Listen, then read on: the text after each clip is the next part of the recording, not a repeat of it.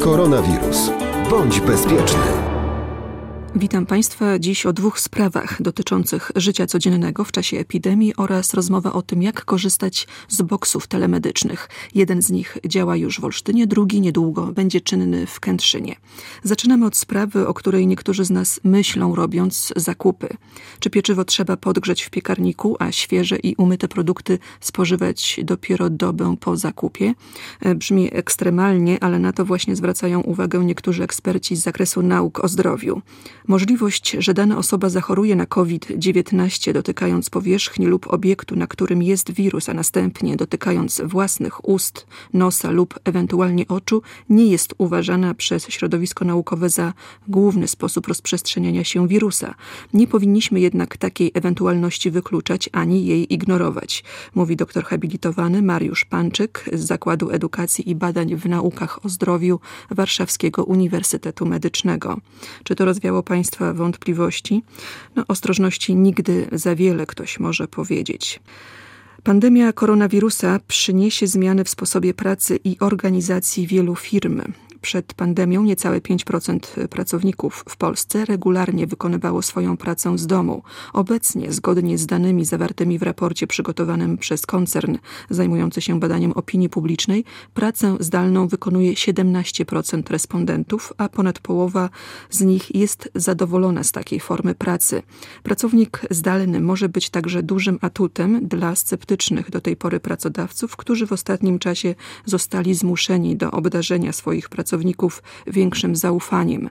Jeśli ten trend się utrzyma i przynajmniej połowa z osób, które pracują dziś zdalnie, będzie pracować tak nadal, będzie miało to wpływ na wiele branż i zachowań biurowych, nie mówiąc już o wynajmie powierzchni biurowej.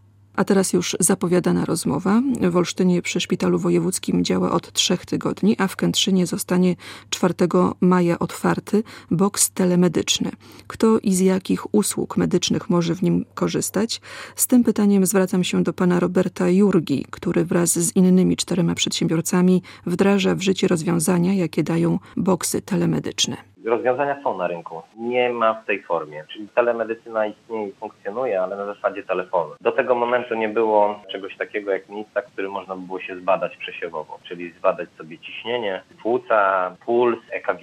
Przychodzi się do takiego miejsca jak do lekarza, dzwoni się do ratownika medycznego, ratownik decyduje, jakie urządzenie można podpiąć i widzi z drugiej strony odczyt. Jak należy się przygotować do takich badań w boksie telemedycznym? Co należy wziąć ze sobą? Historię choroby, które pacjent posiada Jarosław Krill, ratownik medyczny pracujący w boksie telemedycznym. Usprawni po prostu nam to szybszy wywiad i połączenie na przykład z lekarzem bądź konsultacją z ratownikiem medycznym, który będzie mógł postawić wstępną diagnozę. Z czym przychodzą pacjenci? Są to pacjenci, którzy chcą wejść na SOR i weryfikacja pacjenta czy może poczekać jeszcze chwilę, tak?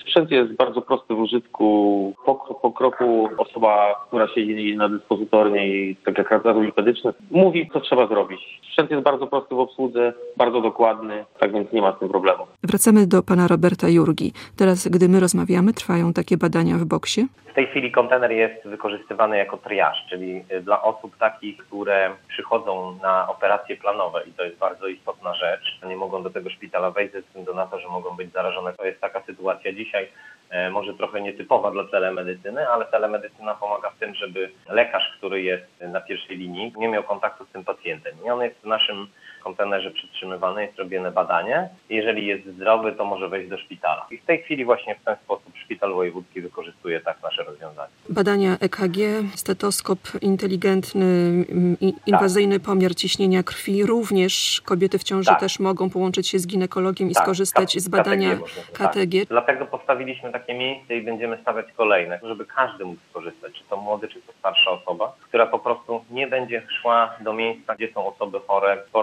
receptę, po skierowanie, po konsultację, nawet do psychologa, żeby w momencie zagrożenia były takie bezpieczne miejsca, które po tym, jak pacjent opuści takie miejsce, same się oczyszczą. W naszym przypadku się ozonuje. Jak długo trwa badanie? 15 minut wystarczy na przeprowadzenie dwóch badań. Trzy tygodnie w Olsztynie y, mieszkańcy miasta przekonali się y, do tego typu usługi? Jeszcze nie. Myślę, że musi powstać takich miejsc wiele, żeby wiedzieli, że to jest normalna wizyta lekarska, pełnoprawna dzisiaj tak? W NFZ jest procedura na to. To są badania refundowane? Tak, dzisiaj są to badania refundowane, są na to, jest na to procedura, która pozwoli na to, żeby jeszcze nie funkcjonuje, ale już pewnie lada chwila program, który będzie obsługiwał telemedycynie, program e, państwowy. Mamy kilka przychodni zamkniętych. Przychodnie mogłyby funkcjonować na zasadzie takiej, że pacjent ich 24 godziny ma obsługę, czyli nawet jeżeli przychodnia nie ma żadnej pandemii, a zamyka się o godzinie 18 czy 19, a pacjent potrzebuje pomocy, to może przyjść do naszego miejsca i skontaktować się ze swoim lekarzem czy ze swoją przychodnią. To wszystko zależy od